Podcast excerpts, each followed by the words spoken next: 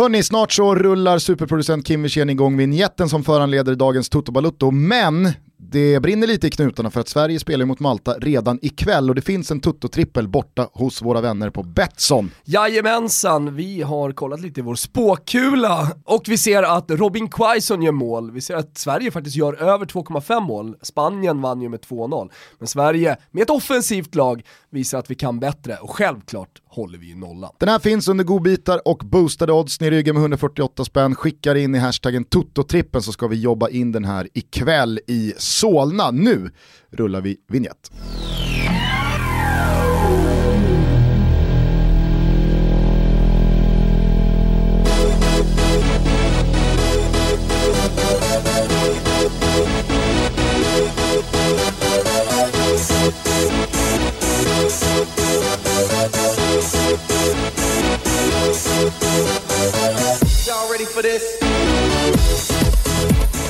Varmt välkomna ska ni vara till Toto Balutto. Det är fredag den 7 juni och om en dryg timme så servar eh, Roger Federer och Rafael Nadal igång semifinalen i Franska öppna. Det är sällan man känner en pepp för tennis numera. Ja. Men den, den, jag sa det till dig innan Nej. vi spelade in här att eh, fan, det, här, det känns som en av de sista stora matcherna mellan Nadal och Federer. Som är känt ett tag. Eh, Jag gjorde en jämförelse här precis innan med De Rossi och Totti. Att eh, Nadal då var, den, var arvtagaren som skulle ta över tennistronen. Och, men, men att Federer bara fortsätter och fortsätter och fortsätter så frågan om inte Nadal lägger av först. Eller i alla fall att Federer lägger av och sen så kanske bara Nadal har något år kvar då. Vem är då Djokovic? Sen, jag, jag ska också Inte fan rätta är- mig lite, ja, men jag, jag, ska säga, rätta mig lite eh, och säga att Nadal har ju haft tennistronen under de här åren, men ni förstår vad jag menar med arvtagare och så vidare. Men vem blir då Djokovic? Ja, Inte Djok- fan är det Florenzi.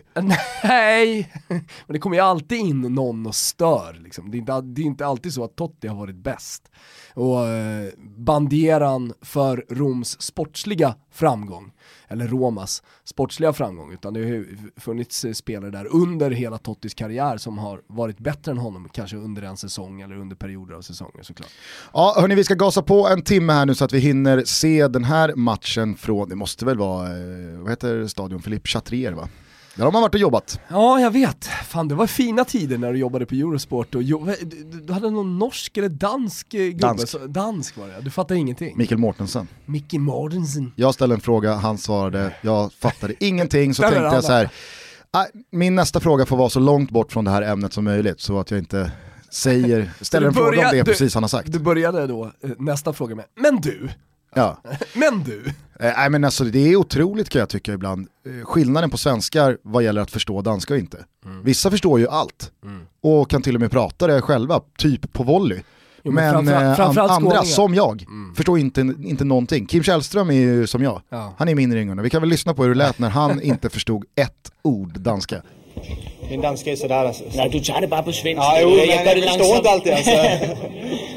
Men hvordan synes du, I håndterer den, den kendskærning, at I er 11 mod 10?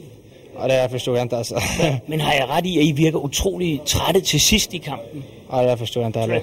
Ja, Men taktisk, hvordan skal I gribe den anden kampen næste uge, næste vecka? ja, jag känner Hvordan, fatt. taktisk, hvordan skal I gøre for at uh, Ah? Men du antar jag, du, du förstår jag tar danska? runt, jag tar mig runt bra. 100%? Ja, men jag tar mig runt bra. Ja, härligt.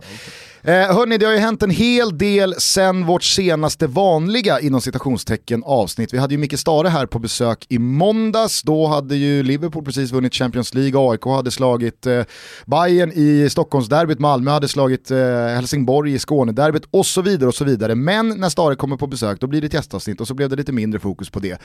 Det, det, det får väl vara så ibland. Absolut. Det är Eh. sommar dessutom, alltså det är ju mästerskapsperioder, Nations League rullar fullt. Eh, Dam-VM börjar ikväll, fredag, och sen så har vi både afrikanska och Copa America. Eh, MLS tar ett kort break, men sen kommer de, den ligan igång igen. På Strive. Alls, eh, på, ja, pff, hallå, ni vet väl att ni ser MLS på Strive. Eh, Zlatan i dunderform och allt det där. Eh, men inte nog med det, allsvenskan är, tar ju också ett ganska kort break, sen, sen drar allsvenskan igång. Och så har vi ICC på tal om Strive då, International Champions Cup, som håller på att växa på oss, eller hur Gusten? Verkligen. Dessutom ska ju då AIK Champions League-kvala Malmö, eh, Häcken och Norrköping. Europa League-kvala. Ja, nej så är det. Men på tal om att växa på en, jag har ju suttit eh, de här två kvällarna när det har varit semifinaler i Nations League. Vinnaren går direkt till EM men fortsätter gruppspelet hela vägen ut. Eh, men framförallt så får ju vinnaren en pokal och eh, inte minst efter att ha sett matchen igår i Portugal mellan England och Holland med, ja, det kändes som 30 000 britter, så jag säger det, 30 000 engelsmän på plats, det var stök innan, alltså så här klassiskt klassisk engelsk mästerskapsmatch. Alltså jag fick känslan av att sitta och kolla på en EM-match. Alltså det var sång och det var liksom trummor som drog igång och England och... Det var bra och, och, ljus också. Jättebra, det var Alltså, mästerskapsljus, ja, alltså, helt perfekt. Och en match som verkligen så betydde något. Men det man hade förväntat sig, eller jag i alla fall, var ju att spelarna var lite trötta efter en lång säsong. Ja, kolla på de engelska spelarna som, som liksom har varit, många var, varit hela vägen till en, eh, till en final. Eh, Europa League-finalen var ju också mellan Arsenal och, och Chelsea och så vidare. Eh, nej men, och därför trodde jag att ja, men det skulle bli träningsmatchkaraktär på, på, på det här. Men precis tvärtom. Det var ju som en jävla semifinal i EM. Och eh, dramatisk också, det hjälpte ju till att matchbilden blev som den blev med, med, med VAR-domslut som dömde bort Englands 2-1 på grund av offside på Lingard, sen så går det till förlängning och, och Holland tar det till slut. Alltså det var, det, det, den innehöll precis alla de här ingredienserna man vill ha för att man ska, verkligen ska, ska fängslas. För det, det ska också villigt erkännas, alltså. jag lutade mig tillbaka och tänkte undrar om jag inte ska dra på sista avsnittet av Tjernobyl ändå. Men det blev inte så, för att Nej. det var så jävla bra match. Fick man inte lite bekräftat också att eh, i och med att Harry Kane inte spelade, att han inte var riktigt redo för Champions League-finalen? Ja, faktiskt. Alltså hade det här varit en match som, Ja. eh, Ja, man gick på sprutor och allt det där och tejpade fötter och, och så vidare. Eh, Men han var inte i sitt bästa slag. nej, nej jag tyckte att eh, Champions League-finalen var, det var, ju, det var ju många spelare i Tottenham som såg ganska bortkomna ut och, och urslag, men Harry Kane framförallt kändes som att han har, alltså, och, och det förstår jag också, att han kämpar sig ut på den där plan till vilket pris som helst, men kanske borde han ha hoppat in sista 20 vid behov. Men alltså kan Johan Mjällby gå in utan brosk i knäna och köra som han själv sa, ben mot ben i en AIK-match eh, när, när karriären så uppenbart är slut, då kan fan Harry Kane jobba sig in i en Champions League-final. Jo såklart, men så gick det som det gick också. Jo.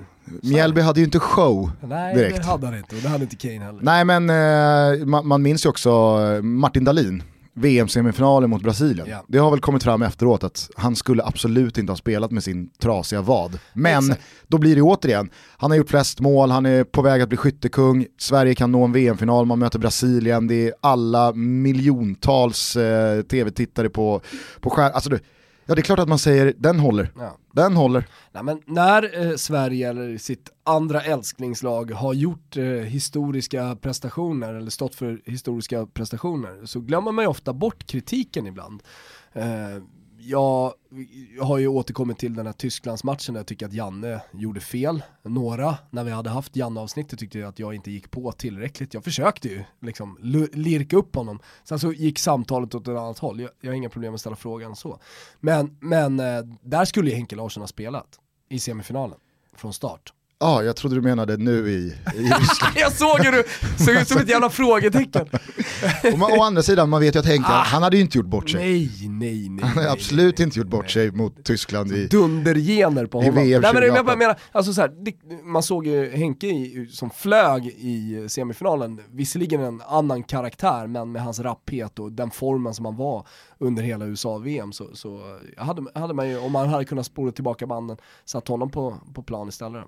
Ja, lyckat hur som helst i alla fall med eh, Nations League. Jag, jag tycker att eh, de ska ha en eloge för den här turneringen, att det ändå, att det ändå flög. Ja. Både hösten som blev intressant och det var bra nivå på matcherna i och med att det inte var liksom så här, man blir antingen slaktad av världslagen eller spela 5-0 mot San, San Marino. Utan nej, jag tycker det har varit bra och sen så att det, vi har ju skojat lite om att så här, ska, ska, ska folk fira att vinna Nations League eller hur kommer det bli för, för, för landet som lyfter pokalen?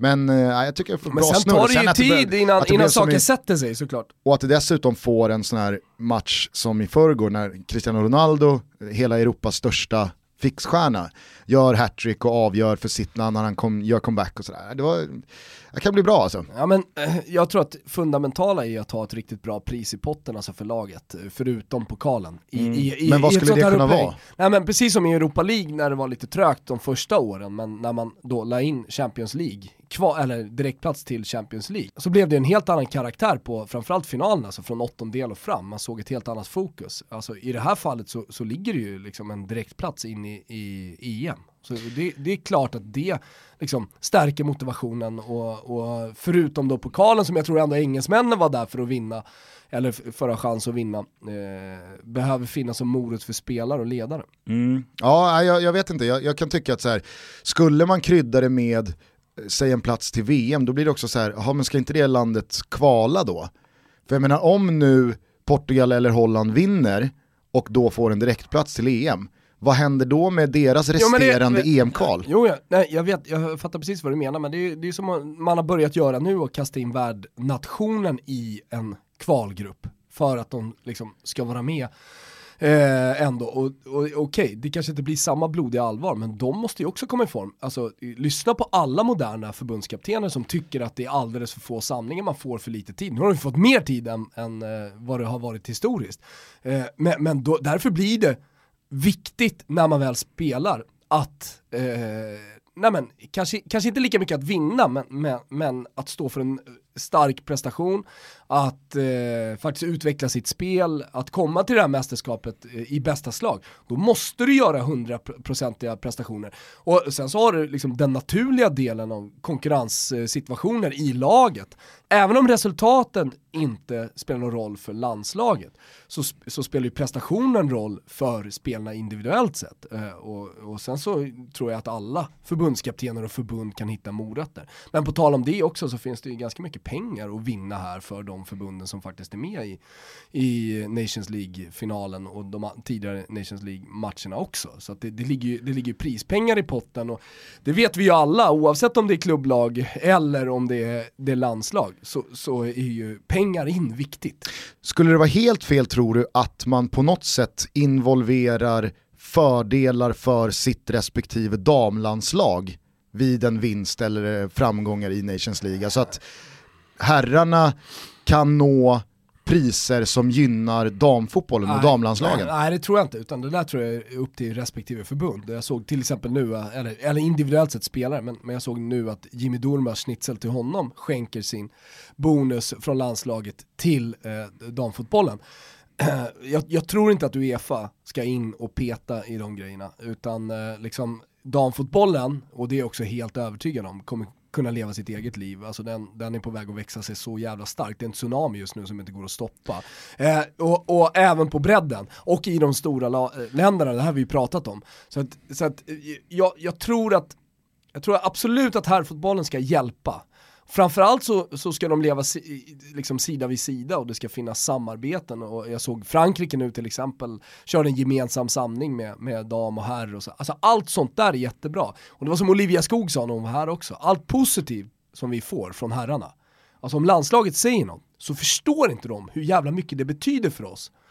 Uh, och, och där tror jag liksom man kan göra andra grejer snarare än att, att, att pengarna ska gå till damfotbollen. Men är det så att förbundet hittar någon lösning eh, tillsammans med herrlandslaget, för jag menar ta ett stor, en stor nation som Italien eller, eller Frankrike, där det finns, eller där det vigs enorma pengar till, till herrarna, till skillnad från till damerna. Eh, så, så tror jag nog att till exempel då i en sån här final, går man till final så får man 100 miljoner, eller vad det nu är i, i Nations League, så, så kan de då bestämma att det, det, det kommer vi skicka in till damerna. Ja, men det är det jag och, menar, ihop att- med hela laget, och, och, men, och då i, i eh, symbios med uttalanden som görs från herrarna, så att alla verkligen är, är överens, då tror jag att det kan bli starkt i det landet. För jag tror också att man, det, är så här, det är viktigt att bygga lokalt, snarare än att eh, Polen ska gå in och, och vara emot att Uefa liksom sätter det. Jag, jag, jag tror snarare på de här kärleksfulla, liksom, eh, eh, känslosamma sambanden som Frankrike har visat upp till exempel. Exakt, för jag tror att fotbollen är en sport som aldrig kommer kunna gå att mixa. Alltså det, det kommer aldrig kunna gå att spela upp. Till skillnad då som man kan göra i skidsporter där det är någon mixed eh, och det är, Ja, du kan köra mixdubbel Nej, i tennis eller racketsporter eller vad, alltså Eller golf. vad fan vet eller, jag, men jag tror inte det. Nej exakt, det kommer ju aldrig kunna gå på samma sätt i fotbollen. Eh, men att man då däremot, Fan, nu väcktes en tanke. nej men att man däremot, Nu som, väcktes fan en tanke, varför inte? som du säger, i symbios med varandra, spela för varandra, hjälpa varandra, att herrlandslaget som LOK, som en mycket större ekonomisk eh, skördetröska kan, alltså det, det skulle kännas, kännas bra, kännas modernt, kännas fräscht. Ja. Ja, nej, men jag, jag, jag står fast vid det. Alltså, jag, jag, jag tror att, jag tror att vi, vi ska fortsätta kampen, alltså Nilla Fischers kamp, om vi, om vi nu får etikettera den lite så. Eh, för det, det är hon som eh, står, stod senast på, på eh, fotbollsgalan och, och liksom talade om orättvisorna. Den, den, måste, den måste fortsätta parallellt, men det som håller på att ta över nu, det är ju det positiva som håller på att hända med, alltså den, vi pratar ofta om framtiden, vi vill ha det så här. Väldigt sällan om nuet. Eh, och just nu i Sverige så har vi eh, en betydligt mer jämställd fotboll om man kollar på, framförallt på ungdomssidan. Sen så eh, på elitnivå så är, är, ju, är det ju skevt fördelat. Eh, men det är en helt annan diskussion. Eh, men, men kollar man på liksom flick och pojkfotbollen så, så, så är det inte som när du och jag var små Augusten, att det, det var i stort sett ingen tjej i klassen som spelade, det kanske var någon som var så här, man, man, man, kallar, man kallar lite eh, för fotbollstjej eller sådär. Eh, utan nu, nu är det liksom fyra, fem tjejer i klasserna som, som lirar och det, det, den är liksom enorm på bredden. Och det är det jag menar med den här tsunamin som håller liksom på, på, på att ta över. Eh, det, det är inte lika mycket eh, ni och vi, lika mycket tjafs liksom, eller att, att man ser ner, utan den, den generationen som håller på att växa upp nu, våra ungdomar, de, de, de accepterar det på ett helt annat sätt. Eh, men, men, och det är det jag menar, så här, så här, ibland glömmer vi bort att fokusera på liksom, det som faktiskt är verkligheten som vi lever i nu. Alltså det jag ser när jag är ute på kupper och, och liksom med, med, med mina tjejer. Och när de leker och umgås med sina killar, det blandas ju jättemycket i lagen nu. Alltså tjejer som behöver en större utmaning kanske. Spelar med antingen äldre tjejer eller med killar. Mitt, min klubb som jag är med i, Rönningssalen Fotboll, de, de har alltså tre stycken flickor 06 som är med pojkar 06 imorgon i, i en match. Och eh, det är alltså barn som håller på att puberterar. Alltså några, några i laget har ju liksom eh, skägg och sådär och, och, och liksom tjej, vissa tjejer är fullt utvecklade kvinnor, förstår du vad jag menar? Men, men, men där, till och med upp i de åldrarna så, så kan man liksom mixa lagen. De har skägg. Jo men det är väl det man brukar säga liksom. Ja. Ja. vi mötte ett lag, de hade ju tre killar med helskägg, är det inte så man brukar säga? Ja, det- grann. När det är tveksamheter i Gothia Cup, ja. eller bara i Sankta. man möter något utländskt lag, ja, men, är så här, Tam, här Tameron Thai Ja. var ett sånt lag eh, i, när jag var yngre. Ja. Det var liksom så här, eh, pojkar 13-klassen, och så känner man så här, ja, de, den där snubben är, han är 28 år. Ja. Nej, men jag, jag vill verkligen förtydliga liksom, att så här, från medias sida, och det, där är jag också, du också Gusten, och vi där i den här podden, så, så får just kampen för eh, rättvisa får väldigt stor plats, och den ska ha plats. Men vi glömmer också bort, för det kan ligga parallellt, att beskriva de, den faktiskt jävligt positiva eh, verklighet som vi lever i idag i Sverige. På tal om idag, på tal om just nu så är det ju väldigt mycket härligt landslagsfokus åt båda hållen. Dam-VM börjar ikväll som sagt, Frankrike-Sydkorea. Sverige kliver in på tisdag mot eh, Chile. Som jag har förstått inte ska underskattas. Jag pratade med min eh, bror här för några dagar sedan som hade surrat med Tony Tiger, Tony Gustafsson som är ass i eh, USA. Och han berättade att eh, USA de fick slita ordentligt mot Chile bara för eh, några veckor sedan, någon månad sedan. Och ser man till oddsen, så är, Sverige står ju typ i 1-12. Ja. Alltså det ska vara liksom promenadseger med 7-0. Men eh, Sitter och filar på ett plushandikapp bort hos Betsson här eh, på Chile. eventuellt. Helvete. Men man vill inte ta den sidan heller i eh, en, en VM-premiär utan det är, Det är klart ju att man, jobbigt man vill alltså. jobba är ju Sverige. jobbigt, ja. Ja, men kolla till exempel på kuppen som vi var på igår ute på Träkan på Ekerö. Träkvistar. Jajamensan, Träkvistavallen, otroligt fin löparbanor och massa härligt. Eh, så var det ju en match som hördes, det var Där en gick, match. eh, Krille Nordin gick ju till Ekerö efter avslutad karriär i AIK.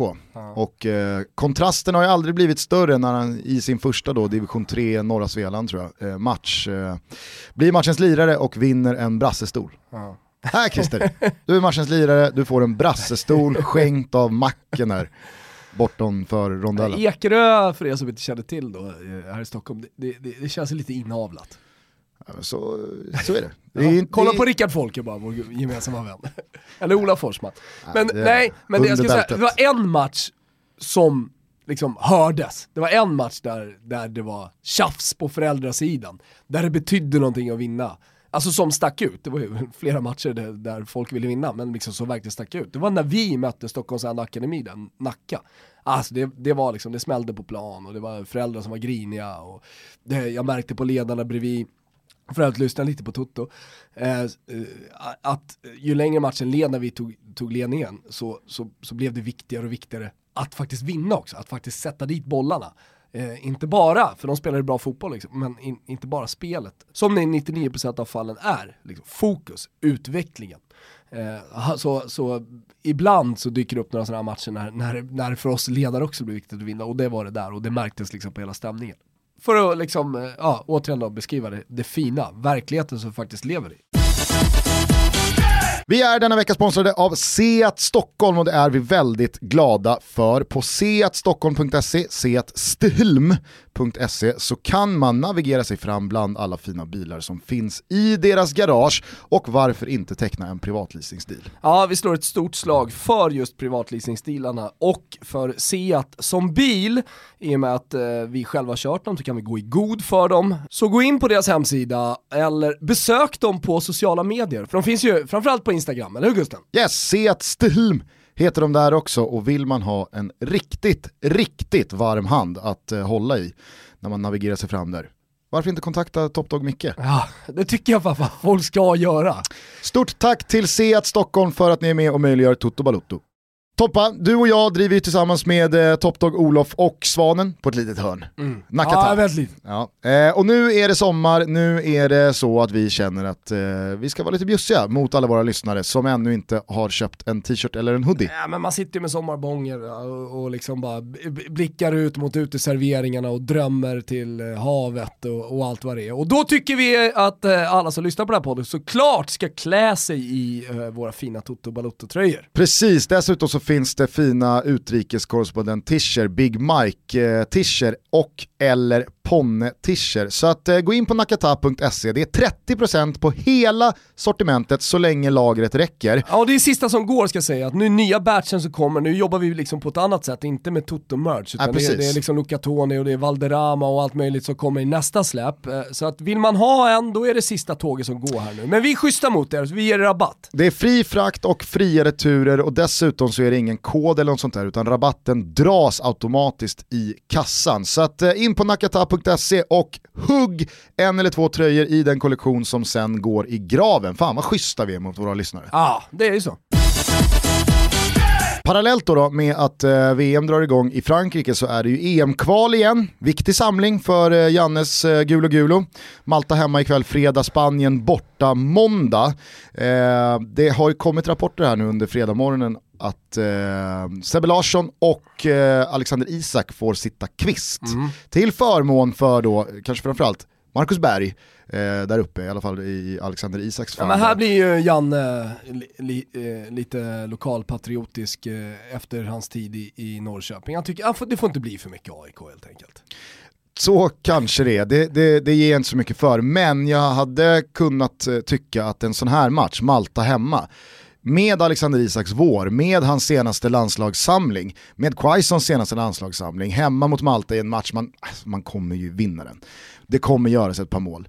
Då är det väl kanon att låta Alexander Isak starta, få den erfarenheten eh, och sen så ger man Marcus Berg targetrollen, viktig i försvarsspelet på måndag eh, borta mot Spanien. För att jag tror inte att Marcus Berg med, med hans senaste tid i, i arabvärlden och hans eh, ålder och klipp i steget, jag vet inte, det, det så här, ska han då hålla igen ikväll för att ha lite krafter kvar till på måndag? Men det här, det här är väldigt mycket Janne tycker jag. Alltså, så han jobbar väldigt mycket i just den här processen, att det liksom hela tiden eh, har kontinuitet med vissa spelare som han förlitar sig väldigt mycket till. Eh, och, och det sa han ju när han var här också. Att eh, vissa spelare för honom är fundamentala för hans liksom, ja, taktiska balans och allt vad det är. Och det kanske han inte tycker han får av, av Isak och Quaison. Nej, nej, nej. Alltså, jag, jag litar blint på att Janne tar det, det klokaste beslutet. Han har väl gått Karlavägen upp och ner med Nej men jag, och- jag håller med, det, och- jag vill också säga. Alexander Isak, jag tror att det är väldigt många som vill göra det. Jag hade hellre haft liksom, den typen av flexibilitet i Janne, att inte alltid liksom, starta med, med trotjänarna. Men å andra sidan så får jag ju fel eh, eftersom han når framgång. Eh, parallellt med det här så möter ju Norge Rumänien främsta utmanare angående andra platsen då, om man ser sig slagen av Spanien redan. Men det, det, det, är, väl, det är väl realistiskt att- tro. Jag har Eh, gjort stora matcher mot Spanien tidigare. Ja, men, men ligger inte en sån jävla hedersam förlust i korten där? Elmander, Sli- var det Elmander senast på Ja. Råsunda? Ja, Albeck. Ja, just jävlar vilken match. Så Albeck, drog man eh, ju paus eh, in till Bullen Beer på Stureplan. Tyckte att det var en tråkig match. Bullen serverade, serverade, serverade inte det jag ville att de skulle servera. Nej. Nej men det var ju då Albeck eh, Cruyff fintade bort Casillas och Piol tror jag och bara slog in den i, i öppen kasse. Men eh, nej, jag, jag, jag får väl helt enkelt lita på att Janne har koll på grejerna och eh, att eh, Marcus Berg kan kanske kliva av i 2-0 då och så får man in Isak, får in några spelare till som kanske kan göra någonting fint offensivt. Att Sebbe Larsson bänkas, det måste väl också innebära att Janne han ser framför sig en match där Sverige snarare ska ha eh, fyndiga, kreativa, kvicka spelare som kan luckra upp en köttmur snarare än eh, Sebbe Larsson som med sitt tvåvägsspel eh, först och främst vinner boll och, och, och, och vinner den fysiska matchen centralt. Men jag blir så jävla glad att Albin Ekdal har lagkaptensbindeln ikväll, Andreas Granqvist är skadad och det är så här, visst är, det blir, är det Sveriges De Rossi eller? nej men det blir ju en liten Jävla asterisk. usel jämförelse. Ja, verkligen. Det blir ju en liten Från asterisk när man får lagkaptensbindeln för att någon annan är skadad eller avstängd. Ah. Men i just det här fallet så känner jag ändå så här, fan vad stort, fan vad, fan, jag, jag ser mina egna år, så många år av liksom så här det hade kunnat bli så, eller jag gjorde så istället och det blev så, det är så jävla länge sedan och hade man bara Fan det, det, är, det är så jävla häftigt att Albin ikväll leder ut Sveriges landslag i en tävlingslandskamp som lagkapten. När man spelade mot varandra och med varandra i så ung ålder i så många år. Och han har, liksom, han har gått den här långa vägen och hela tiden varit ultraprofessionell och bitit ihop trots skador. Och det tog ju ganska länge innan Hamren gav honom chansen på riktigt. Alldeles för länge. Ehm, så att, nej fan. Det ligger, eh, några, det ligger några sura krönikor från eh, herr Wilbacher borta på google eh, kring just den tiden när det tog alldeles för lång tid och jag kommer ihåg jag hade bland annat diskussioner med Mattias Lyr eh, som tyckte Albin var en eh, tråkig spelare. Jag kommer inte ihåg exakt hur, hur han benämnde det men det var det som ändå var liksom innebörden i hans resonemang att eh, det, det var liksom ja, sidled och så vidare, vi ska framåt. Med, med, där Lyr är ju också team Lewicki. Ja, jo, Där smattrar det. jo, jag, jo, Där är det Jogga Där Bonito. segrar man ju. Ja, jo visserligen. Men, men det var ju faktiskt helt sjukt hur länge Albin hölls borta från lands, landslaget. Han skulle ha kommit in bra mycket tidigare. Alltså den utvecklingen hade just, just där och då, men hur bra han var eh, i den italienska ligan eh, som enda etablerade mittfältare där.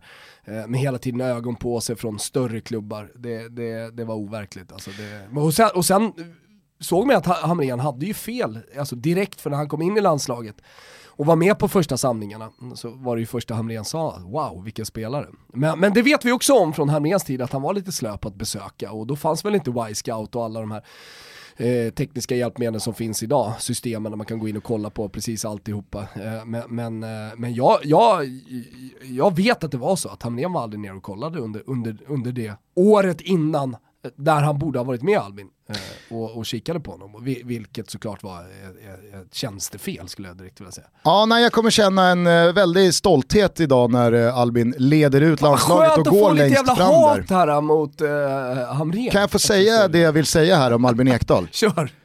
Jag, jag kommer känna, nu tappar jag lusten liksom att ja. fortsätta här. Jag vill, jag, jag vill bara säga att jag, känner mig stolt över att landslaget har en sån fin kille och en fin fotbollsspelare som lagkapten. Och det känns extra roligt när man har gått så många år bredvid varandra och han hela tiden har gjort det så förbannat bra.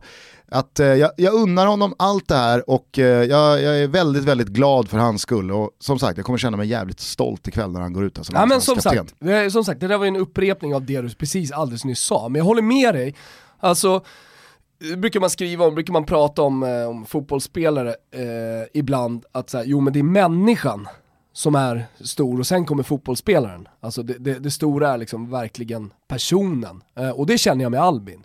Att det är en lagkapten, det är en ledare och det är en jävligt, jävligt bra person. Och att han får leda efter den karriären som han har haft också, eh, det här landslaget, det, det är ultravärt. Det kanske inte har spelats allt för mycket matcher sen senast men det har ju hänt en hel del på den stora fotbollsscenen. Störst kanske, precis som du utlovade för några dagar sedan, någon vecka sedan, Conte till Inter. Nu är det officiellt eh, och det börjar ju redan pratas om eh, stora spelare, stora transfersummor, nu ska det hända grejer. Icardi har väl också fått typ bekräftat, eh, du ingår inte i planerna, du kan söka dig vidare. Ja. Men samtidigt så ställer man frågan idag i Gazettan, vad kommer hända med Icardi? Alltså det är fortfarande inte bestämt. Nej men det har väl pratats en hel del Roma? Ja, bland annat. För att de vill ha Dzeko. Mm. Vilket, är också, vilket också känns en, det känns som en märklig häst att satsa på i Inters läge nu. Ja, ja, men just med nummer 9-spelarna, alltså de, det, det, märker man ju av situationen som just nu råder. Eh, så växer de inte på träd, de som verkligen gör skillnad. Lukaku är i en italiensk dragkamp om också, där, där Napoli har gett sig in i, i, i kriget. Mm, och sen så snackas det väl en hel del eh, Nicola Pepe också, mm. från eh, Lille. Från Lille. Så att eh, det kommer ju hända grejer i Inter, men vad tror du att eh, ja, men liksom så här, man redan kan ha för krav på Inter från nu och framåt i och med att Antonio Conte kommer? Att de tar upp kampen med eh, Juventus om, om scudetton. Alltså, jag, jag, säger det också med tanke på den rådande situationen i Juventus. Eh, nu har man gjort ett tränarbyte som blev lyckat till slut med Allegri, men det var ju väldigt turbulent den sommaren när Conte lämnade dagar innan man skulle åka upp i bergen och ha träningsläger. Eh, men Allegri visade sig vara så pass skicklig som tränare. Man ska också komma ihåg med Allegri att han kom från en, ett, en dålig säsong med Milan eller om den nu var dålig, det tvistar väl de, de lärde, men eh, det, det, var, det var ju i alla fall inte positiva eh, miner från eh, Juventus-folket. Man, man, man, man, såg att man kanske eventuellt var på väg att tappa sin särställning inom den italienska fotbollen. Så blev det inte. Men nu, med tanke på att Inter har en helt annan ägarsituation, man är beredd att spendera på Pepe som du nämnde, 70 miljoner euro eller vad han nu ska kosta, alltså cash finns, eh, Conte kommer in, Ja, skulle de inte ta upp kampen, skulle de inte vara med, sen om de vinner eller inte, det, det, det vet jag inte, men hela vägen in, alltså, då, då, skulle jag bli förvånad. Så, så att självklart ska man ha det kravet. Vad är senast då i uh, Juventus-läget med Sarri? Ja, det, det, det blir Sarri. Och det kommer bli det, precis som du visste att det kommer bli Conte ja. några dagar innan, någon vecka innan. Liksom. Jag, jag skulle inte säga att det är lika klart som att Conte var klar, men eh, så, nära, så nära i alla fall eh, den situationen som man kan komma. Att man lägger allting, allt krut på att försöka lösa honom för Chelsea nu och få in honom. Och, och det vet vi om, nu vann han ju med, med Chelsea eh, i Europa League. Så att eh, kanske inte ska prata om honom, han har ju inte fått så många chanser heller. Jag menar, att han inte vann med Napoli, innan det hade han Empoli och andra dynggäng i den italienska fotbollen. Så han har ju inte haft stora lag under sin karriär. Nu har han haft Napoli, han tog dem nästan till en scudetto, han tog dem i alla fall hela vägen fram i maj. Eh, han har tagit Chelsea till det blev en tredje plats va? Mm. Ja, tredje plats i Premier League och en seger i, i Europa League. Så han har ju den titeln ändå som på något sätt ändå bevisar att han klarar 90 minuter final. Eh, så, så man, man, man tappar väl lite det där, han tappar väl lite det epitetet att vara en, en, en bara en tränare som spelar fin fotboll. Men eh, finns det något sidospår här? Finns det något parallellt? Namn. Just nu är allt Sarri. Det är Sarri ja, Det har ju funnits 100%. massa med, alltså Pep Guardiola höll man ju på att prata om till för någon vecka sedan och jag vet inte, det, det kommer väl någon artikel as we speak om att fan det, det är fortfarande möjligt, Pochettino. Men det är ju det är den nivån på tränarna som är snudd på omöjlig att lösa. Ja men låt oss kalla det för en liten chansning med Sarri då. Juventus kommer spela i alla fall ja, vackrare fotboll. Det kommer vara mer tilltalande för, för liksom, eh, publiken globalt att se Juventus spela, men kanske då lite mindre vinstinriktat. Eh, Juventus har ju, du, du vet vad man säger om Juventus? Att eh, liksom, eh, vinnarmentaliteten sitter i väggarna. Mm. Ja. Det finns ett par klubbar det- man säger så. Ja det finns ett par klubbar. Så, så det, det, det, det är möjligt att, att, att det bara kommer fortsätta så. Men, men det, Men jag tror att de kommer behöva göra en hel mer. del också på spelarmarknaden. ja ja, herregud. Alltså det, den truppen Juventus har nu, det pratade vi om under våren där att ja alltså spelare 1, 2, 3, 4, 5, absolut. Men sen, ja, inte Ja, men fan vi- om det går att tävla med City, Real, Barca i det långa loppet. Nej men sen så har man ju en tung lönepost i, i Cristiano Ronaldo. Och det, det har ju spelare gått ut och sagt nu efter säsongen. Att eh, de, de, de har liksom, eh, det har varit för mycket fokus på att bollen ska till Ronaldo och att det är hela tiden han som ska göra målen. Så att vi- vissa andra spelare har då blivit sämre. Sen måste ju en tränare kunna hantera en sån situation också. Alltså det ligger ju inte bara på eh, Juventus klubbledning att de har liksom en världsspelare i laget. Hej, det borde man ju kunna utnyttja också, eller? Ja. Eh, på tal om Allegri då, när vi pratade om det för någon vecka sedan, att eh, Valverde nog skulle eh, få smaka på dojan. Eh, och så kom det ju upp uppgifter om att ja, det blir en exit på Valverde, men de har väl kovänt där och eh, kör på. Annars så kändes ju Allegri Barca som en Ja, ganska... men intressant spår såklart. Ja, det, det kändes som en, eh, båda på samma nivå, Mm. ungefär. Eh, men den, den största grejen från Spanien, det är ju annars att... Eh, Lopetegui är tillbaka. Lopetegui är tillbaka från savannen. Fan hittade han hem. Alltså vilket år han gör. Ge Spansk förbundskapten, sparkad, Real Madrid-tränare, sparkad, savannen och nu är han tillbaka i Sevilla. Ja, men det är en bra Otroligt, tränare, alltså. det är klart han ska vara i någon, någon, någon klubb, men det finns ju inte så många stora. Han, han, ju, han ska inte till Barcelona. Han har varit i Real redan. Ja, vart ska han utomlands då? Ja, men Nu där behöver- förstår jag att man tvekar. Nu behöver han ju göra någonting med Sevilla. Alltså det är lite som Micke Stare eh, pratade om, att när du har haft en, en tuff senaste tid, Mm. säg de två senaste jobben, och du får lämna med lite svansen mellan benen, som han verkligen fick göra i Real Madrid, när han spelade ett sånt högt spel att hoppa av landslaget två dagar innan, innan VM, så behöver han ju, han behöver ju nå resultat med Sevilla. Han behöver ju lösa en Champions League-plats och ta en, eh, en, en cuptitel, minst. Ja, nej men eh, precis, och jag tror att då skulle han också kunna bli aktuell och intressant för andra toppklubbar ute i Europa. Mm. Eh, Men nu väntar de. Tillbaka till Italien då, ditt Fiorentina är sålt. Jajamän. berätta om det här. Jag, jag såg att eh, De La Valle gav sig själv en sjua eller en åtta på den 10-gradiga skalan för sina 17 år som president. Mm, Men, men, men det är Är han bjussig mot sig själv där eller? Nej, det tycker jag inte. Eh, verkligen inte. Alltså, man ska komma ihåg det att den här Della Valle-eran eh, har ju innehållit eh, ja, väldigt många toppar framförallt de, först, de, de första decenniet. Eh, när han tog Fiorentina från att faktiskt inte ha funnits. Alltså Fiorentina var raderade och eh, de fick starta om i C2 med ett annat namn. Men han köpte ju tillbaka eh, titlarna, bollnäten, bollarna, allting som var liksom tag, taget av eh, La Guardia Financia i, i Italien. Eh, för det var ju precis det som hände, man hade, man hade inte ens bollnäten kvar, det man brukar säga då när, när en eh, klubb går i konkurs. Men det, det är faktiskt så, och tit, eh, pokalerna tog man också. Alltså allting som hade ett värde försvann. Eh, men han köpte tillbaka det. Eh, sen de, cynis, de cyniska säger att han köpte Fiorentina för en spottstyvel och att eh, han liksom, ja, har drivit upp värdet och att det var en affär. Men, men man måste också kunna ge plats åt supporterkänslor här. Och han tog oss tillbaka via ett seriehopp för alla Juventini och, och andra som lyssnar på det här. Men, och genom ett dramatiskt kval. Eh, och det var ju under min tid som ultra och som var där nere och alltihopa, så jag minns ju det eh, såklart. Serie B-tiden där vi tog oss upp och när vi i, var i i Verona och, och knep en Champions League-plats som sedermera blev ifråntagna av oss på grund av Calciopoli eh, på ett jävligt märkligt sätt. Men, men ändå, sen tog vi ändå den där Champions League-platsen och hade otroliga år med Cesare Prandelli. Offside-målet mot Bayern. Ja, absolut. Eh, men, men för, förstår vad jag menar, alltså det finns ju så många lyckliga eh, säsonger och, och minnen från Della Valle-eran. Så jag vill inte att de här senaste tre fyra åren helt ska smutsa ner det. Eh, men eh, när man gjorde satsningen med Mario Gomez och Pepito Rossi och, och alltihopa, alltså man gjorde en, en sista kraftsamling, man spenderade stora pengar för att skapa ett lag som faktiskt kunde utmana om titlarna och det lyckades inte, då, då, då, då hade man inte kraften att satsa om. Och då blev det istället en klubb som, som levde på de pengar som kom in. Och då, då, då, då blir det så här. Och så, det var, det, timingmässigt så var det faktiskt, det, det, det, det fanns ingen energi kvar i Della Valle-familjen och han som kommer in nu, Rocco Commiso, verkar vara en dundergubbe. Och så pratas det väl om Rui Costa här nu som sportchef. Ja det är senaste ryktet, att eh, Rui Costa ska komma in. Och... För då rycker man honom direkt från Benfica va? För att han är väl sportchef i Benfica idag? Jo men det sägs att han vill ha en ny utmaning, han har varit länge i Benfica och han, han, är, han håller ju Fiorentina väldigt kärt, han gillar staden, eh, han har boende i staden och återkommer ofta.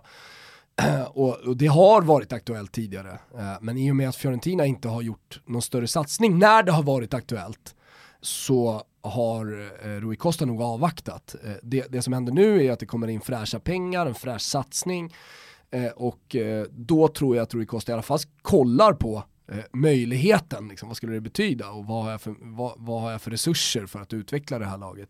Eh, så, så, därför finns det ändå någon slags eh, stoff eh, ordentligt i, i, i ryktet. Och sen så är det första Kommis som säger också, det är att han vill eh, han vill behålla Kesa kommer göra allt för det, jag tror inte han kommer lyckas. Eh, och han säger att han lovar ingenting heller, men, men bara att han säger det, jag tror inte det bara är en flört med, med, med staden, utan att det, det, det, är faktiskt någonting man kommer försöka åstadkomma, så här, ge honom så mycket pengar han, han ska få i en annan klubb, men att han stannar. Men då är det ju upp till honom sen i slutändan också.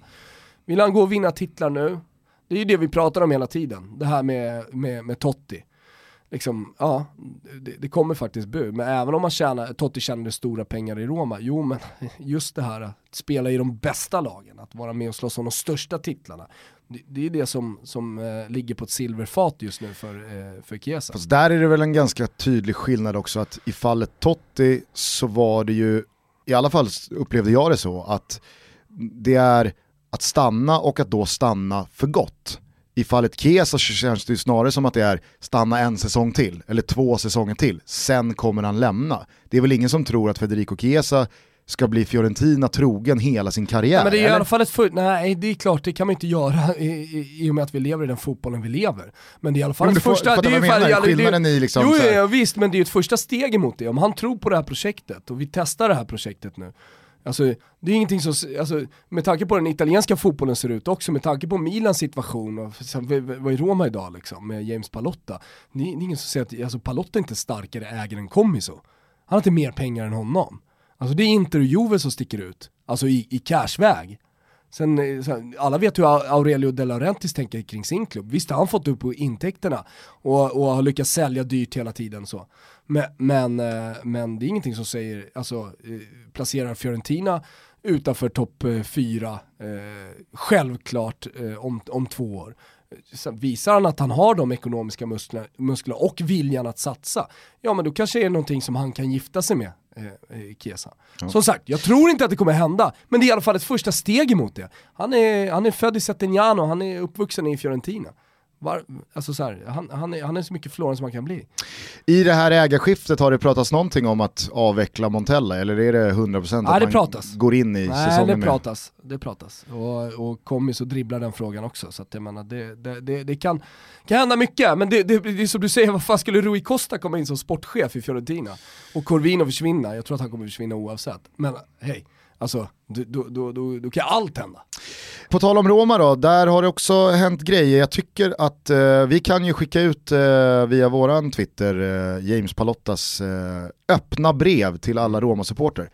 Han håller inte igen. Nej. Sen så känner man så här, 100% är nog inte sant här, men 0% eh, är inte heller sant. Nej. Det är någonstans däremellan och så får man välja lite sida och sådär. Men eh, han håller ju inte igen i sin kritik, främst gentemot Monchi. Vilket då blir en kritik gentemot sig själv. Det är han, alltså, det är han som har satt Monchi. Ja. Så att, jo men där kan jag ju också säga att jag gjorde fel, jag satte honom där. Jo, Kolla vad han har gjort. Ja, och, och, och det var alla, bra. alla kan göra fel.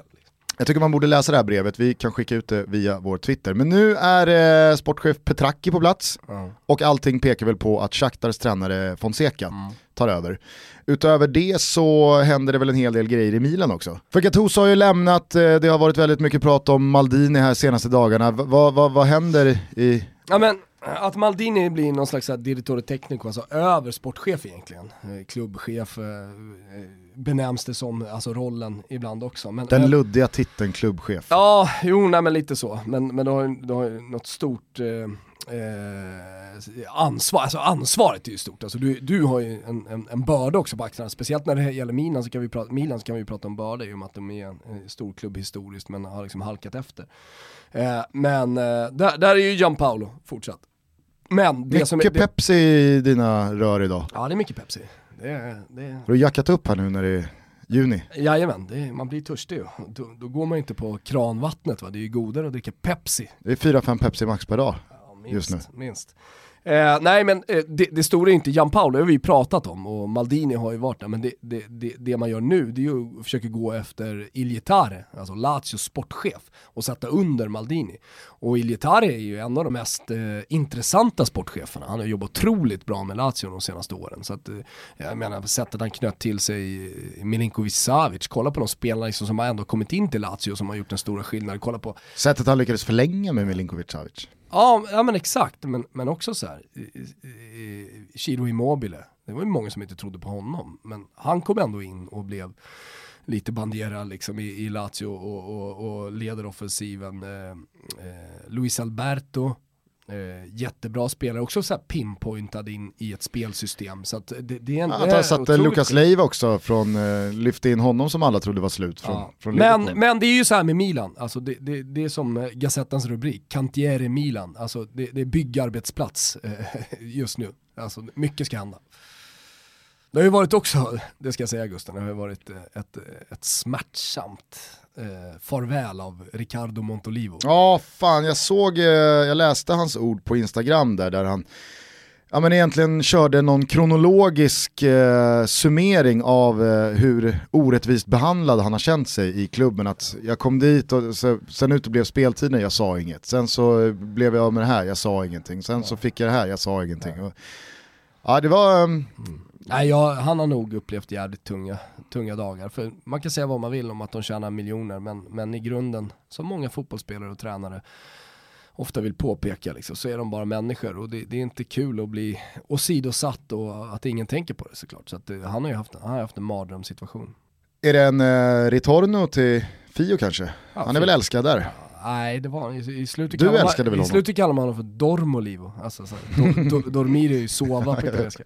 Alltså jävla trött där på mittfältet. Men, men jag, återigen precis som Della Valle-tiden, jag minns ju, jag minns ju Champions League-gruppspelet där vi slaktade Liverpool och eh, där, där vi gick till den här åttondelsfinalen där Montolivo var en av, alltså, kanske den som var bäst av alla tillsammans med Jovetic. Alltså det, det var ju otroliga tider. Och det, det, det, där var han faktiskt bra över tid.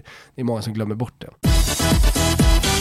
Hörni, eh, i Real Madrid så kommer det ju hända grejer under den här sommaren, det är ju alla övertygade om. Och eh, Eden Hazard är väl den sämst bevarade hemligheten att han ska dra på sig eh, den vita tröjan här. Marina Granovskaja, ni vet Chelseas, hon är inte riktigt sportchef, hon är typ så här slutförhandlare. Hon är inte ens direttore tekniker, Nej, men alltså hon- som, eh, hon som kli- Maldini. Hon kliver bara in till bordet för Ah. att förhandla. Jävla mäktig hand hon sätter ner där. Ja. Och hon verkar ha drivit upp det här priset till en och en halv miljard. Men jag kan, jag kan tycka så här, ja det är fan Hazard värd och det är precis den spelaren Real behöver ta. Så pratas det väl en hel del om Ferland Mendy, Christian Eriksen har väl annonserat att han vill lämna Spurs, men där verkar ju Real eh, Ja, men miljarden, backa lite. Ja, absolut, miljarden plus, där har du ju supertalangerna som redan har blivit etablerade. De Ligt, eh, Mbappé tidigt där också, eh, Neymar när han kom. Alltså, det, det, där finns Pogba. några, ja, supertalangerna men som fortfarande, de, de har precis blivit etablerade i, i, i fotbollstoppen. Eh, men Nästa miljard plus, det är ju de redan etablerade som inte är för gamla, som, som kommer in med en, med en garanti, vilket Hazard gör. Det ska ju kosta en och en halv miljard tycker jag, för det, de är så få. Jag eh, åkte eh, flygbussen mellan två terminaler eh, i helgen i söndags, eh, Madrids flygplats, Baraja. Och eh, jag visste inte det, men Real Madrids tränings, det är inte en anläggning, det är ju det är en liten stad. Den ligger väldigt, väldigt nära flygplatsen där och så åkte man förbi med bussen och såg ganska mycket av den. Så vilket jävla komplex.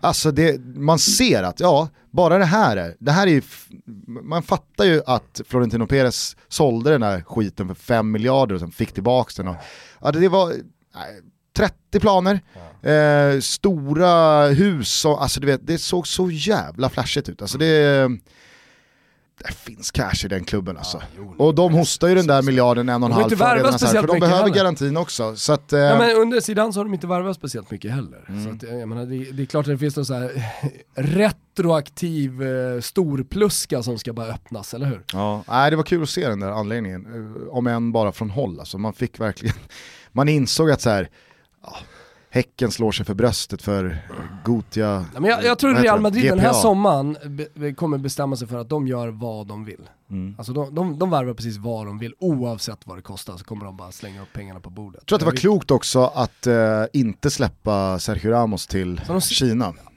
Ja det tror jag också. Det De tror jag också. behöver honom i den här liksom, återtåget mot toppen. Ja, det, det, Sen så det- behöver de det- släppa lite annat dödkött. Alltså, jag, jag tror att det kan vara klokt att gå skilda vägar med, med Gareth Bale, men alltså Luka Jovic, den värvningen, Ja.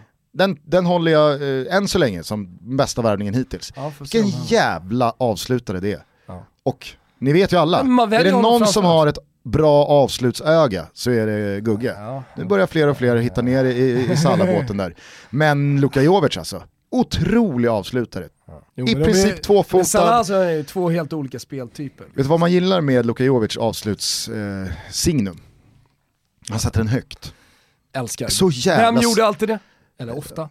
Batistuta. Ja, exakt. Ja. Alan Shearer också. Alan Shearer också, där har du Piskar upp skiten i taket ja, bara. Rätt upp. Det är Där- alltid ledigt i taket. Ja men det är alltid ledigt i taket, där uppe sitter den, men du måste kunna sätta den där 9 gånger av 10 också. Det är Ja. det. Nej, jag, jag tror att eh, Luka Jovic till Real Madrid, det blir en svårslagen värvning Mm. när vi sätter punkt för det här sommarfönstret. Du, såg du eh, Neymars eh, skada här i eh, genrepet inför Jag Copa såg, America? ja, jag såg han skada, jag såg också när han, han kom till den brasilianska träningsanläggningen i en, en nyköpt svart helikopter. Okej. Eh, jag vet inte om du, du, Nej, du det- nåddes av, av de bilderna? Det har jag inte nåtts av, däremot så Han var- nåddes jag av bilderna från Brasiliens träning, Mm. interna träning. Ja, de tränar ju sällan med andra lag. Men. Se, har du sett den videon när eh, han får en riktig tjuvsmäll över sin fot? Som alla i laget borde veta att här, ta, Junis, ta det lite lugnt med Neymars fötter för att vi har inte råd med något bakslag här. Det är, visst, han blev av med lagkaptensbindeln men det är ändå Neymar, en av världens absolut bästa spelare, den stora fixstjärnan. Det är han som, det är han som kan Som vara skillnaden. Exakt. Han har problem med fötterna, han har, haft en, han har varit skadad hela våren. Ta det lite lugnt. Men han åker på en så jävla medveten smäll över fötterna. Och när han då ligger och kvider sig och ligger och tar sig för fötterna och tar sig för ansiktet. Alltså vet, eh, folk eh, tittar inte ens på honom. Han som utför tacklingen, jag ser inte vem det är, men han... Det är nog en juni, ser du inte det? Alltså, någon hyfsat okänd. Ja, ja, hyfsat okänd. Nej, jag menar- för jag, för ja. jag ser inte vem det är, men han ser inte ut, Typ han ser ut att vara 18 liksom. Santos. Eh, ja men exakt, det är väl någon som spelar i International eller Sao Paulo. Han, eh, liksom efter några sekunder så går han bara och daskar Neymar i ryggen att ställa upp. Ja. Så jävla ändå starka bilder, alltså det är inte så, Ronaldo skulle ju aldrig få en sån smäll på en portugisisk landslagsträning och då att, eh, ja, eh, fan vet jag, eh, vad heter han med porrmuschen? Eh, Caravaggio Ja. Bara liksom skulle daska till Ronaldo i, i ryggen och bara något sätt så är det ställ, ju ställ upp gubben. Alltså, eh, fräscht är det ofräscha om du förstår vad jag menar. Han anländer med helikopter, alltså, han, han är ju en enorm liksom, stjärna, men inte bara för hans fotbollsspel utan han, han är ju liksom bara en stor personlighet i, i hela Brasilien, kanske den största. Jo men alla. internt kanske han har fått Ja, omklädningsrummet det det jag emot sig, precis som en Och- tränare ja, kan och det, tappa det, är omklädningsrummet. det som är det liksom fräscha i den ofräscha sparken. Eh, att att eh, ingen har en, liksom en självklar statusroll i det där landslaget. Och med tanke på hur det har gått också för Brasilien, att de inte har tagit eh, sig hela vägen till en titel, eh, så, så kanske det är så att man börjar tänka tänka om lite, alltså sådär lagkamrater och så. Att eh, det, det får vara en annan attityd på träningar och så. Hålla på att anlända och drälla in med svarta helikoptrar och grejer. Det håller inte Nej. här kör vi. Sen eh, var det som Kristoffer, vår gode vän Svanemar skrev, alltså, hans fötter är gjorda av glass. Eh, de, tror han skrev glas, Han skrev, jag tror han skrev glas men, men Kan inte jag gillar- Han kan inte stava, så jag tror att det blev glass. Ja, okej. Men det gillar jag ännu bättre nästan. Ja. De, de, de liksom, glass, det, det är mjukt och det, det finns ingen, finns ingen styrsel, det finns inga, det finns inga muskler liksom.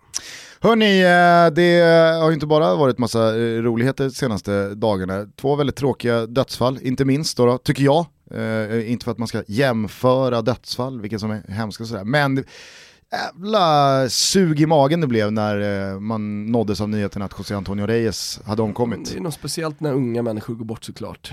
Eh, Och så tycker jag att det var magstarkt av Canizares, gamla spanska landslagsmålvakten, att så tidigt gå ut och ifrågasätta hyllandet och att han får skylla sig själv som körde som en jävla dåre. Ja, visst, alltså det, det, det, det är inte speciellt eh, smart att köra en bil i 230 blås i någon stadsmiljö.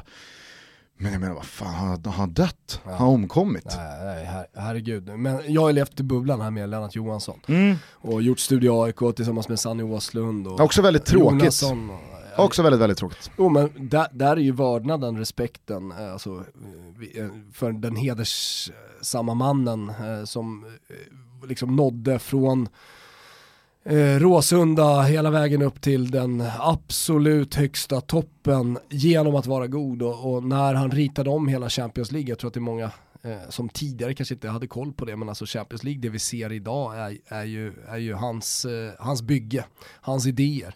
Men han gjorde, han, gjorde, han gjorde det genom att hela tiden vara god, han gjorde det med hela tiden en fot kvar nere vid gräsrötterna. Eh, han, eh, han, var, han var varm, eh, han, han, han var ju en jättestor karaktär, humoristisk och härlig och liksom tog ett rum. Han var en pamp i ordets rätta bemärkelse. Han kändes Men- jävligt rätt och riktig. Ja han var rätt och riktig, ja men så var det. Han ljög aldrig och han krävde ärlighet från andra. Och det var därför han var så jävla arg och förde krig mot Sepp Blatter och allt möjligt. eh, Och, och mot, mot liksom, den korrupta fotbollen. Exakt. Eh, Han var, han, han var ju en god man i eh, en, eh, ett hav av skit alltså. Och, och, och verkligen styrde upp saker och ting. Det behövs fler eh, som eh, Lennart Johansson, tyvärr så växer de inte på träd. Men Han skulle väl ha blivit Fifa-president om inte eh, liksom, Blatter hade eh, fixat det Ja. valet och Ja. den omröstningen. Ja. Nej men vi vet ju alla hur, hur, hur det går till. Eh, men, men tillbaka till Lennart Johansson, alltså att ha nått hela vägen upp och att, att ha blivit så stor som han var men, men att, att fortfarande liksom sitta på en supporterbuss eh, bort, till Kalmar borta och, och sjunga AIKs hymn och, och att vara kvar där liksom. Eh, han, han var ju också sådär en, en, han ville falla på en arena, det var ju många överens om. Alltså du, du är med på att han var i Baku och såg Europa League-finalen och han skulle till Champions League-finalen trots att han var så dålig som han var. Så, så alltså känslan var verkligen att han, han ville falla på arenan, liksom. där, där han har levt hela sitt liv och det, det, det han älskar mest. Eh, och sen, nej, men sen, sen blev det, men vilket legacy han lämnade. Eh. Otroligt legacy, så jag är alldeles för ung för att kunna konkret peka på eh, det han uträttade som eh, ordförande, aktiv ordförande i AIK, men som ordförande för både Svenska fotbollsförbundet och sedermera Uefa i, vad blev det, 17 år, eh, så, så både förändrade han ju fotbollen och tror jag påverkade fotbollen som en av de sista rätt och riktiga pamparna. Eh, jag Ja, tycker, men pamp jag, blir ju ibland lite negativ klang på, Ja, men ja, han var ju pamp med positiv klang. Men så Pamp- utöver allt det han faktiskt gjorde konkret så tycker jag att vi ska lyssna på det här klippet. På tal om Canizares, Claes Åkesson i den här eh, studion, är, eh, han har en frisyr som är på, på, på, på fan spiken, eh, Canizares. Men eh, jag tycker att de här en och en halv minuterna summerar väldigt mycket Lennart Johansson. Det finns en oerhörd pondus, det finns en återigen då, ri- riktighet. Han är korrekt, han är respektfull, men han är obeveklig. Thomas Nordahl har det lite jobbigare i det här klippet, det ska sägas. Eh, men vi lyssnar. AIK Aten när polisen tvingades skjuta ett varningsskott på läktarna. Trodde du det var möjligt i Sverige? Tvingades, vem tvingade honom? Ja, han gjorde det i alla fall. Ja, ja. Eh, vad gjorde polisen? De tog bort en banderoll. Och de, eh, de uppträdde provocerande enligt de uppgifter jag har fått. Du tycker polisen Och- och- gjorde fel alltså? Nej, jag säger inte, jag var ju inte här. Jag talar bara om som du, vad jag har hört sägas hänt i det rum. Och vad som eh, förvånar mig det är att man reser frågorna igen igen när Uefa har haft en delegat här som gav högsta betyg till säkerhetsanordningar och inte såg några incidenter.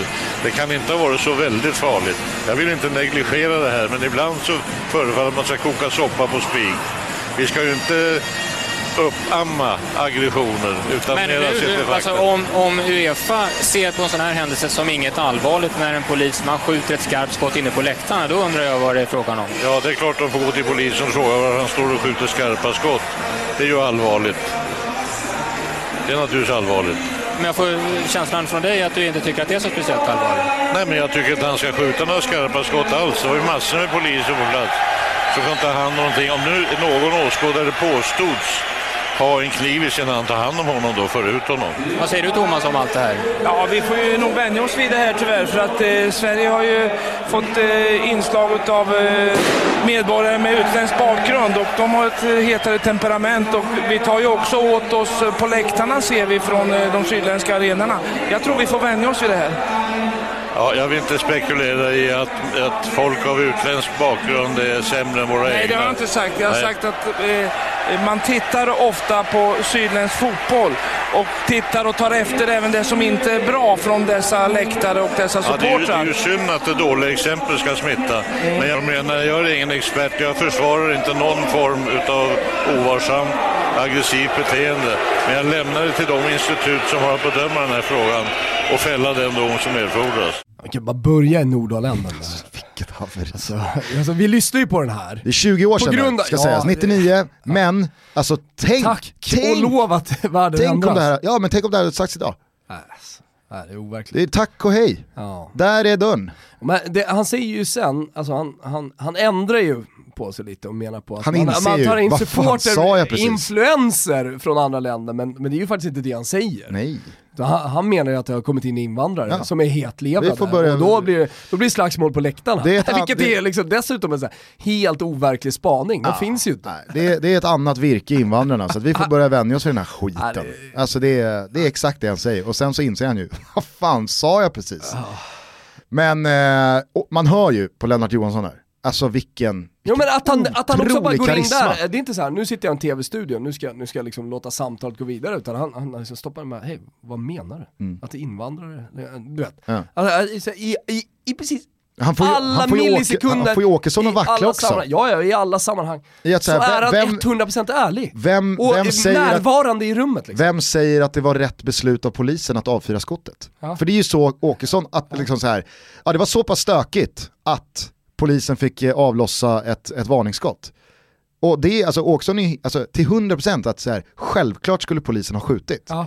Medan Lennart är, ja men eh, hur fan kan man dra av ett eh, skarpt Ja. skott? Ja men du kan, du kan ju liksom gå in i, ja precis, du, du kan gå in eh, i, i hela händelsen med olika perspektiv. Ja. Och det tycker jag vi gör, alltså det här beskriver lite hela debattklimatet även idag. Att man kommer in från två I helt synnerhet olika... idag med tanke Ja. på polisen och Ja supportrar men precis, att man kommer, ja precis, du kan till och med direkt jämföra den där, att man kommer in från verkligen två helt olika håll och då blir det en clash i mitten. Alltså då, då behövs tid, eh, och frågan är om det ens går, men för att någonstans liksom, närma sig en mellanväg där man är överens. Och det kan man se i politiken tycker jag också idag, att, att man, man, man har man är motpoler till varandra och då, då går det liksom inte att, att samsas. Vila i frid José Antonio Reyes och vila i frid Lennart Johansson. Tack för allt, säger vi väl också till Lennart. Tack för allt.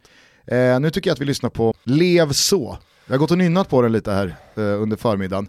Och som sagt så väntar här nu eh, en av de sista stora matcherna mellan Roger Federer och Rafael Nadal. Sen så ses vi på Friends ikväll. Det gör vi. När Sverige tar tre nya i jakten på en EM-plats nästa sommar.